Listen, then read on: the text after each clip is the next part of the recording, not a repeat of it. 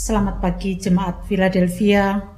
Demikian juga Bapak Ibu Saudara di mana pun berada yang mengikuti ibadah bersama dengan kami. Hari ini kita sudah mulai sudah memasuki Minggu Palmarum.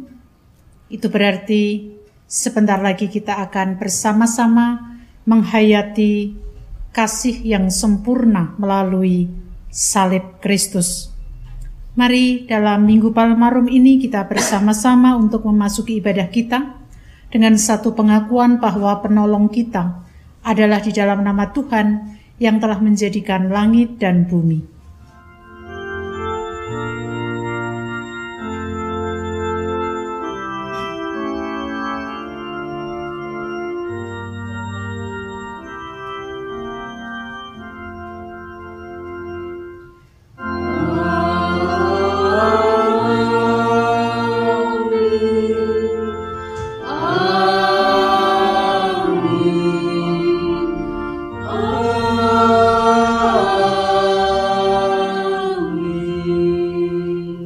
Kasih karunia dan damai sejahtera dari Allah Bapa kita dan dari Tuhan Yesus Kristus menyertai saudara sekalian.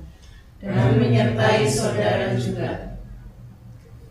Ibrani pasal 4 ayat 16 membimbing kita dalam keseluruhan ibadah pada pagi hari ini. Sebab itu, marilah kita dengan penuh keberanian menghampiri tahta kasih karunia, supaya kita menerima rahmat dan menemukan kasih karunia untuk mendapat pertolongan kita pada waktunya. Mari dengan penuh keberanian kita memuji memuliakan namanya melalui Kidung Jemaat 161 bait 1 dan 3 segala kemuliaan.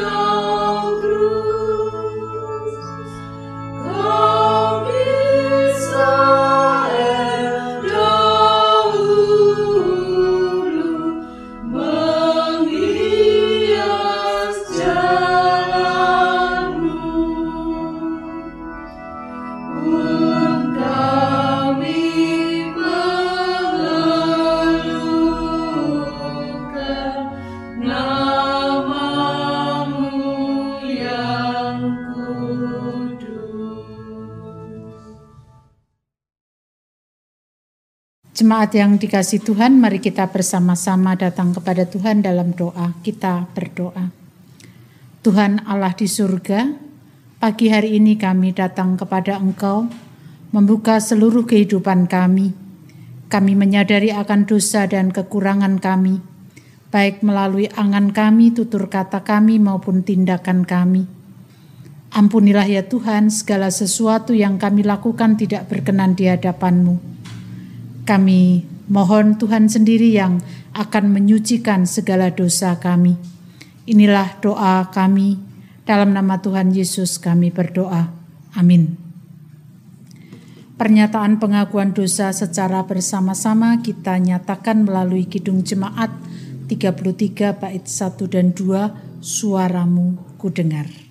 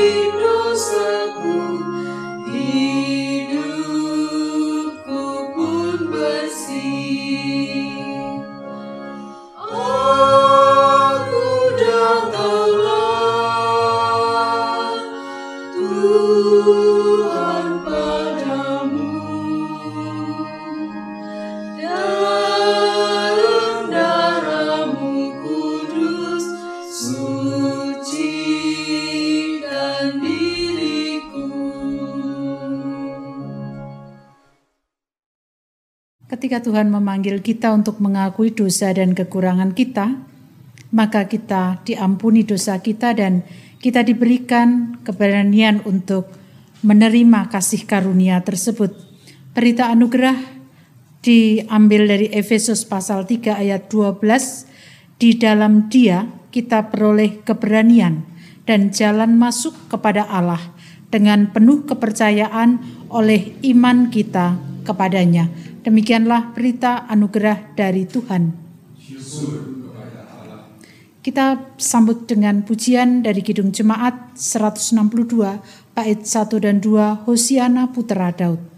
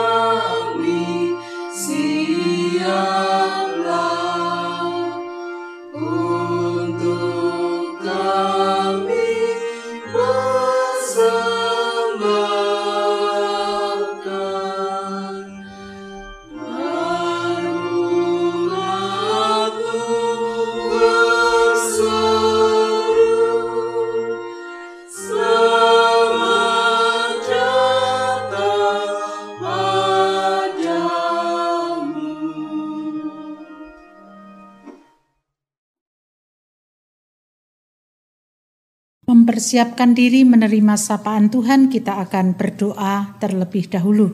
Kita berdoa. Allah Sang Pemelihara hidup dan kehidupan kami, pagi hari ini kami membuka hati kami untuk Tuhan sapa, biarlah sapaan Tuhan menguatkan, meneguhkan iman kami. Inilah doa kami dalam nama Tuhan Yesus kami berdoa. Amin. Bacaan kita pada pagi hari ini terambil dari Markus pasal 11 ayat 1 sampai dengan ayatnya yang ke-11. Markus pasal 11 ayat 1 sampai dengan ayatnya yang ke-11. Yesus dielu-elukan di Yerusalem. Ketika Yesus dan murid-muridnya telah dekat Yerusalem, dekat Betfage dan Betania yang terletak di Bukit Zaitun, Yesus menyuruh dua orang muridnya dengan pesan, Pergilah ke kampung yang di depanmu itu. Pada waktu kamu masuk di situ, kamu akan segera menemukan seekor keledai muda tertambat yang belum pernah ditunggangi orang. Lepaskan keledai itu dan bawalah kemari. Dan jika ada orang mengatakan kepadamu, "Mengapa kamu melakukan itu?" jawablah, "Tuhan memerlukannya." ia akan segera mengembalikannya ke sini. Mereka pun pergi dan menemukan seekor keledai muda tertambat di depan pintu di luar pinggir jalan, lalu melepaskannya. Dan beberapa orang yang ada di situ berkata kepada mereka, "Apa maksudnya kamu melepaskan keledai itu?" Lalu mereka menjawab seperti yang sudah dikatakan Yesus maka orang-orang itu membiarkan mereka. Lalu mereka membawa keledai itu kepada Yesus dan mengalasinya dengan pakaian mereka. Kemudian Yesus naik ke atasnya. Banyak orang menghampar, banyak orang yang menghamparkan pakaiannya di jalan. Ada pula yang menyebarkan ranting-ranting hijau yang mereka ambil dari ladang. Orang-orang yang berjalan di depan dan mereka yang mengikuti dari belakang berseru, Hosana, diberkatilah dia yang datang dalam nama Tuhan. Diberkatilah kerajaan yang datang, kerajaan Bapak kita Daud. Hosana di tempat yang maha tinggi. Sesampainya di Yerusalem, ia masuk ke bait Allah. Di sana ia meninjau semuanya. Tetapi sebab hari sudah hampir malam, ia keluar ke Betania bersama dengan kedua belas muridnya. Demikian pembacaan Alkitab kita. Berbahagialah kita yang mendengarkan, merenungkan, bahkan melaksanakan dalam kehidupan sehari-hari. Hosiana.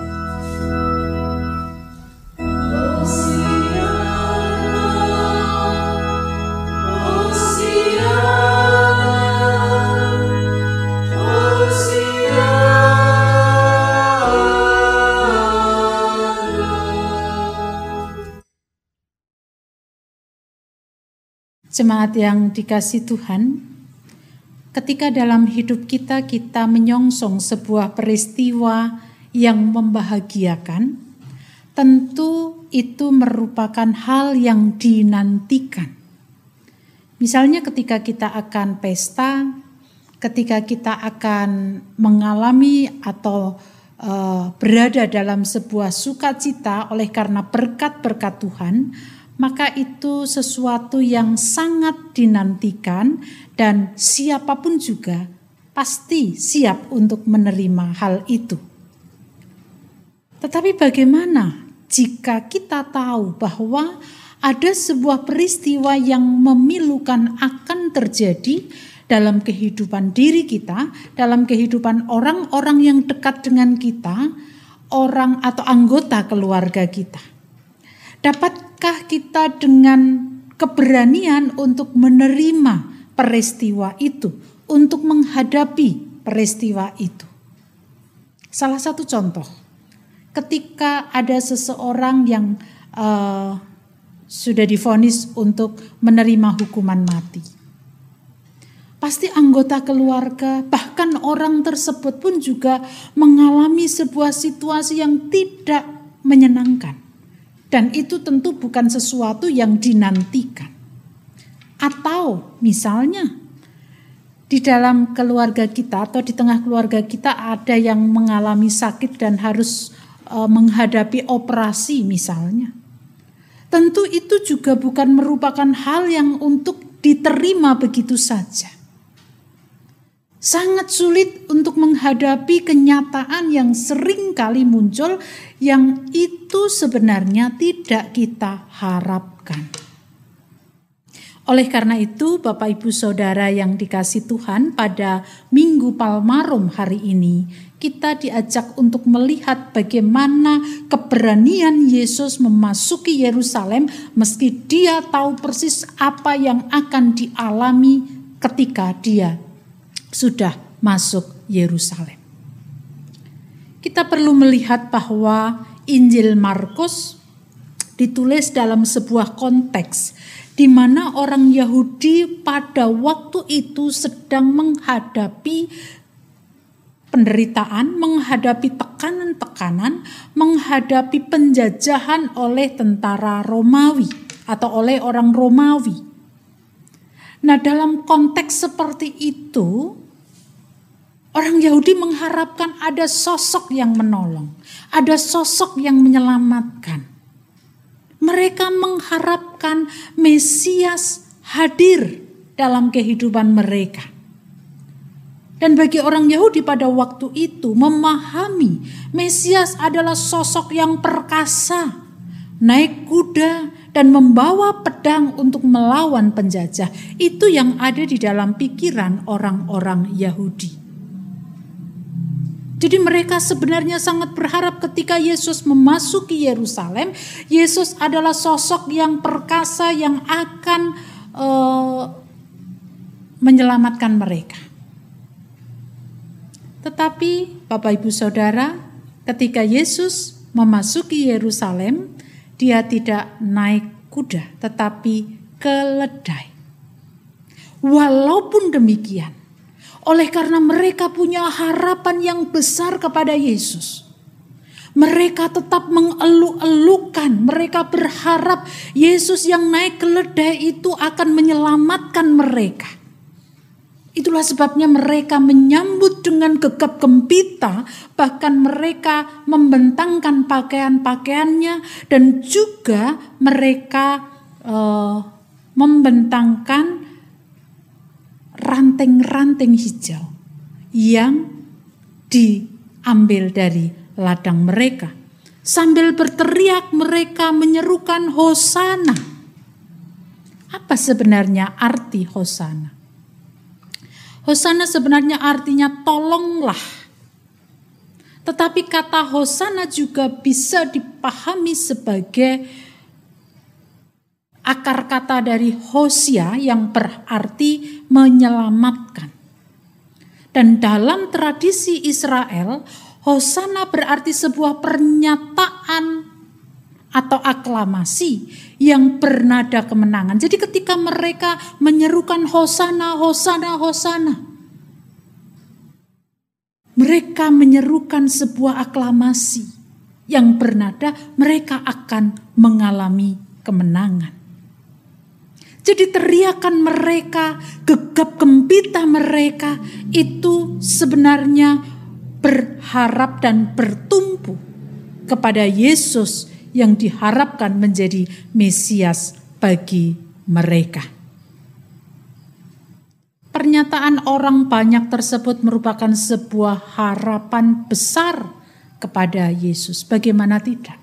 Mereka selama ini sudah mengalami kelelahan secara psikologis, kelelahan secara fisik, bahkan mereka harus mengalami tekanan-tekanan. Tidak salah mereka kemudian berharap kepada Yesus yang adalah sosok yang bagi mereka bisa menyelamatkan mereka. Harapan tersebut memang tidak salah. Tidak salah. Tetapi Mesias yang dimaksud dengan kehadiran Yesus di dunia yang akan membebaskan dan menyelamatkan manusia berbeda dengan konsep orang Yahudi pada waktu itu. Kemesiasan Yesus untuk menyelamatkan manusia, tetapi bukan dengan cara menggunakan pedang, bukan dengan cara melawan dengan menggunakan pedang, kuda, tetapi kemesiasan Yesus itu dilalui melalui atau dilalui di kayu salib. Bahkan apa yang harus dilakukan oleh Yesus itu sesuatu yang sebenarnya sangat hina sekali. Dan Yesus tahu bahwa ketika dia masuk Yerusalem, dia bukan menjadi pahlawan sebagaimana yang diharapkan orang-orang Yahudi, tetapi pahlawan yang mengikuti kehendak Allah, menyelamatkan dengan cara Allah, yaitu melalui kematiannya. Namun, Bapak, Ibu, Saudara, kita boleh melihat, kalau tadi saya katakan di depan, ketika kita akan mengalami sesuatu yang benar-benar tidak menyenangkan. Misalnya tadi saya beri contoh operasi itu bagi kita akan sangat sulit menghadapi kenyataan. Tetapi Yesus pada waktu itu dengan penuh keberanian, walaupun dia tahu akan mengalami siksaan, walaupun dia tahu akan mengalami kematian, tetapi dia hadapi kenyataan yang harus dia alami. Tidak mudah memang. Tetapi ketika Yesus menghadapinya bersama dengan Allah, maka dengan gagah berani dia masuk ke Yerusalem untuk menyelamatkan atau untuk menyelesaikan karya agung yang sempurna di kayu salib. Bapak Ibu Saudara yang dikasih Tuhan, melalui bacaan ini kita mendapatkan pelajaran atau pengajaran yang berarti bahwa apa pun yang ada di depan kita, baik itu menyenangkan, baik itu yang tidak menyenangkan, kita harus berani menghadapi kenyataan itu. Dan ketika kita menghadapi kenyataan itu bersama dengan Tuhan, tentu kita akan bisa melewatinya dengan baik. Kita akan bisa melewatinya bersama dengan Tuhan. Meski kenyataan yang tidak menyenangkan, tetapi ketika kita mau meneladani Yesus yang pada waktu itu tahu persis, dan pada akhirnya selesai, dan setelah selesai, ada sebuah kehidupan, kehidupan yang diberikan Yesus kepada manusia. Kalau kita mau berani menghadapi kenyataan bersama dengan Tuhan, pasti kita akan bisa melewatinya dan pada akhirnya selesai dan setelah selesai kita pasti akan mendapatkan sesuatu yang baik dalam kehidupan kita. Maka mari kita terus belajar meneladani apa yang dilalui oleh Yesus memasuki Yerusalem. Hosana. Diberkatilah dia yang datang dalam nama Tuhan. Amin. Saat teduh bagi kita semuanya.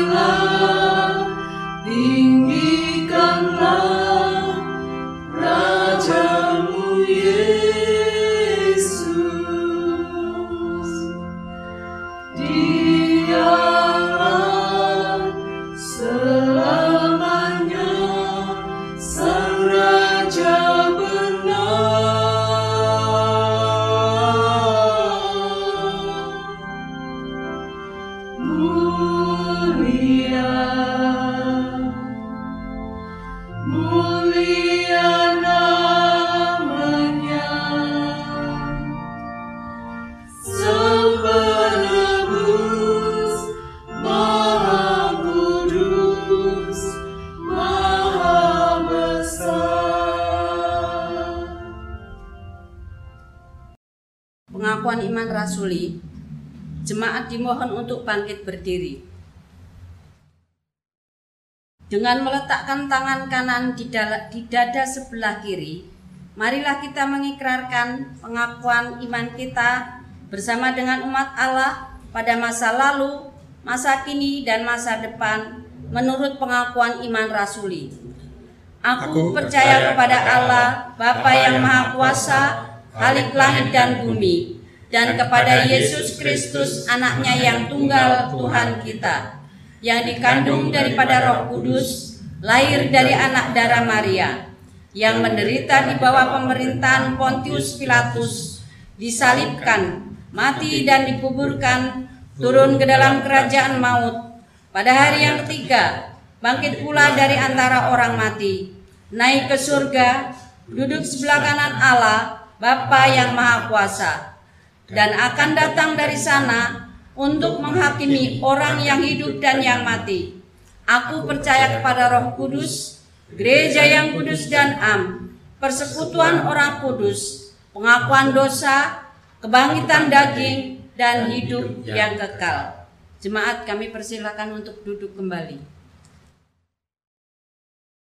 Bapa Surgawi, pada pagi hari ini ketika kami memasuki Minggu Palmarum, kami diingatkan bagaimana keberanian Yesus memasuki Yerusalem meski dia tahu persis kenyataan yang akan dialami adalah kenyataan yang sangat pahit. Demikian juga ya Tuhan, ketika hal itu terjadi dalam hidup kami, mampukan kami untuk terus melihat Tuhan dan menghadapi kenyataan itu dengan penuh keberanian karena kami yakin dan percaya Tuhan tidak akan pernah membiarkan kami, tetapi akan menolong kami hingga kami selesai melewati kenyataan-kenyataan yang tidak menyenangkan. Terima kasih Tuhan untuk kebaikan-Mu dan jikalau pada saat ini kami bersyafaat, kami hendak membawa kehidupan bangsa dan negara kami dalam masa pandemi ini, baik dari segi ekonomi, sosial, kesehatan, dan juga dalam segi hal segi lainnya. Kiranya Tuhan terus berkarya memakai pemimpin bangsa dan negara kami, demikian juga rakyat Indonesia untuk bersama-sama menghambat penyebaran COVID dan juga menghadapi realita terkait dengan bermacam segi yang saat ini kami alami tidak sebagaimana waktu-waktu sebelumnya. Kiranya Tuhan memampukan kami untuk bijak dan pada saat ini secara khusus kami juga berdoa untuk gereja-gereja Tuhan mampukan dalam menjalani kehidupan yang tidak mudah ini senantiasa bersama dengan Tuhan untuk melakukan karya-karya yang harus kami kerjakan. Demikian juga secara khusus kami berdoa setiap keluarga jemaat Philadelphia yang terus harus berjuang menghadapi segala macam kehidupan Tuhan memberkati dan menolong supaya melalui segala hal yang terjadi atas hidup dan kehidupan kami, kami senantiasa dapat melewatinya bersama dengan Tuhan. Kami berdoa bagi saudara-saudara kami dalam proses pemulihan kesehatan, bagi Bapak Mariman, Bapak Nugroho Yulianto, Ibu, dan juga Bapak Suratijo, Bapak Mugiarto Hadi, Ibu Arista Kurniawati, Ibu Painah Teguh, Ibu Francisca Sri Wahyuni, dan juga saudara-saudara kami lain yang terus melewati masa pemulihan. Kami percaya tangan kasih Tuhan senantiasa menjamah mereka sehingga dipulihkan di dalam nama Tuhan.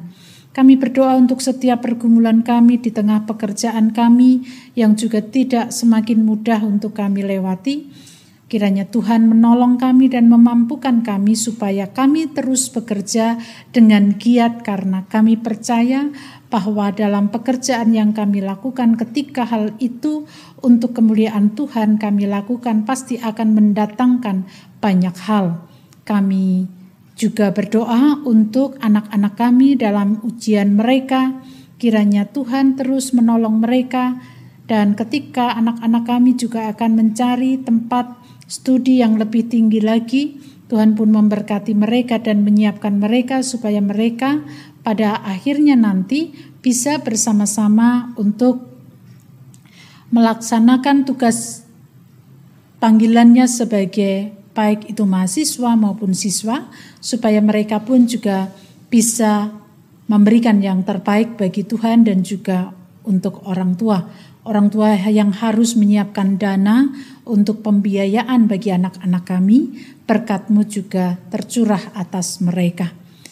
Inilah doa seruan kami kepadamu Tuhan, ada begitu banyak pergumulan pribadi kami yang tidak bisa kami sebutkan satu persatu, tetapi kami percaya dalam pergumulan yang kami lalui, Tuhan selalu ada bersama dengan kami, menguatkan, meneguhkan dan terus membuka jalan bagi kami. Inilah doa kami yang kami naikkan di dalam nama Tuhan kami Yesus Kristus yang telah mengajarkan kepada kami doa Bapa kami.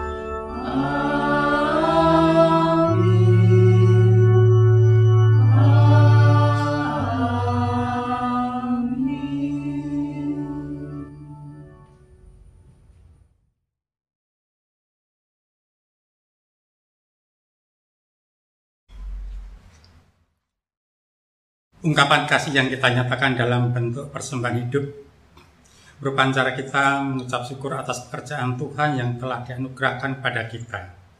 Dasar persembahan diambil dari Ibrani 10 ayat yang ke-9 dan 10 yang demikian.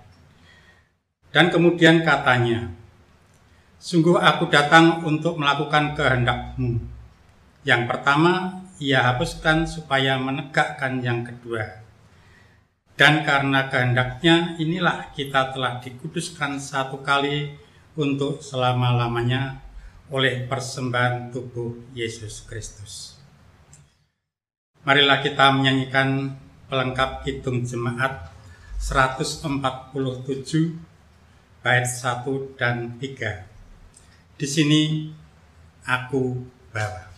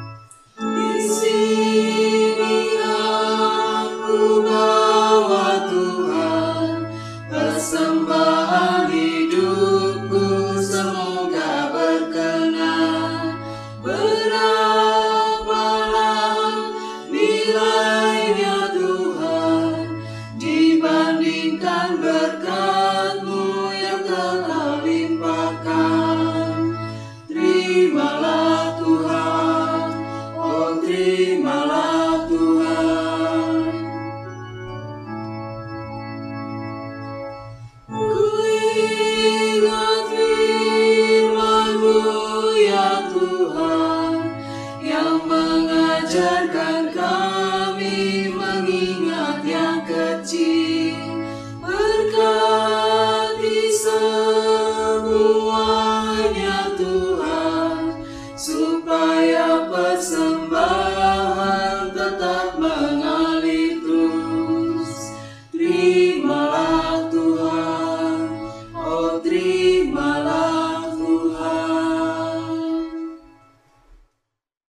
Mari kita aturkan persembahan ini dalam doa.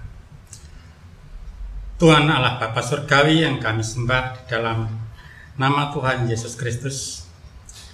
Kembali kami menghadap kehadirat-Mu Bapa dengan mengucapkan puji syukur kami karena Bapa telah memberikan kesempatan kepada kami untuk mengadakan ibadah pada pagi hari ini. Kiranya Tuhan berkati kami semua dengan roh kudus Tuhan sehingga kami dimampukan untuk memperbarui hidup kami, memberi kekuatan dan pengharapan dalam hidup kami di tengah-tengah kondisi yang cukup memprihatinkan bagi semua dengan adanya wabah penyakit virus corona. Walaupun dalam situasi yang memprihatinkan, namun semua itu tidak menyurutkan niat dan hati kami untuk memuji dan memuliakan nama Tuhan. Pada kesempatan di pagi hari ini ya Tuhan, Tuhan masih memberikan kesempatan pada kami untuk mempersembahkan sebagian dari berkat-berkat Tuhan yang telah kami terima. Sebagai ungkapan rasa syukur kami atas berkat-berkat Tuhan. Persembahan yang kami kumpulkan dalam bentuk uang ini kiranya Tuhan sucikan dan Tuhan berkati sehingga persembahan ini bermanfaat bagi kehidupan jemaat Tuhan dan bagi kemuliaan nama Tuhan di muka bumi ini.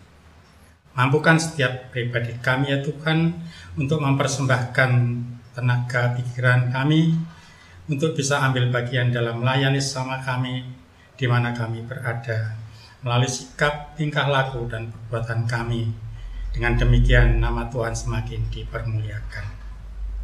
Apabila ada kekilapan, kekurangan dan dosa-dosa kami di dalam kami mengaturkan persembahan ini, kiranya Tuhan berkenan untuk mengampuninya di dalam nama Tuhan Yesus Kristus sebagai juru selamat dan penebus kami, doa ini kami naikkan. Terima kasih Tuhan. Amin. Sebagaimana Yesus siap dan berani menghadapi kenyataan yang tidak cukup mudah untuk dilewati, tetapi bersama dengan Sang Bapa dia melawan semua hal yang tidak dikehendaki oleh Papa kita pun juga diminta untuk meneladani hal itu. Mari kita selalu minta pertolongan kepada Tuhan ketika kita harus menghadapi berbagai macam kenyataan yang tidak menyenangkan, karena ketika kita mau menghadapinya, kita akan dikuatkan. Kita akan bersama untuk menyanyikan Kidung Jemaat 436 bait 1 dan 3 lawanlah godaan, kita nyanyikan dengan bangkit berdiri.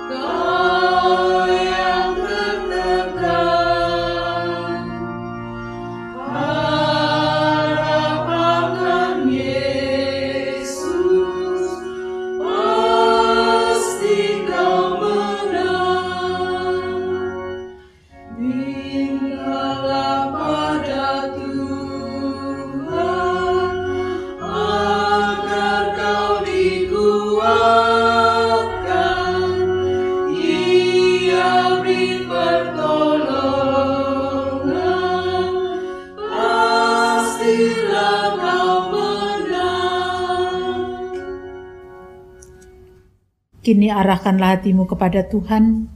Kita akhiri ibadah di rumah kita masing-masing dengan sukacita. Lanjutkan hidupmu dan teruslah berkarya bagi Tuhan. Terimalah berkatnya. Kasih karunia Tuhan Yesus Kristus dan kasih Allah Bapa serta persekutuan Roh Kudus menyertai saudara sekalian selama-lamanya.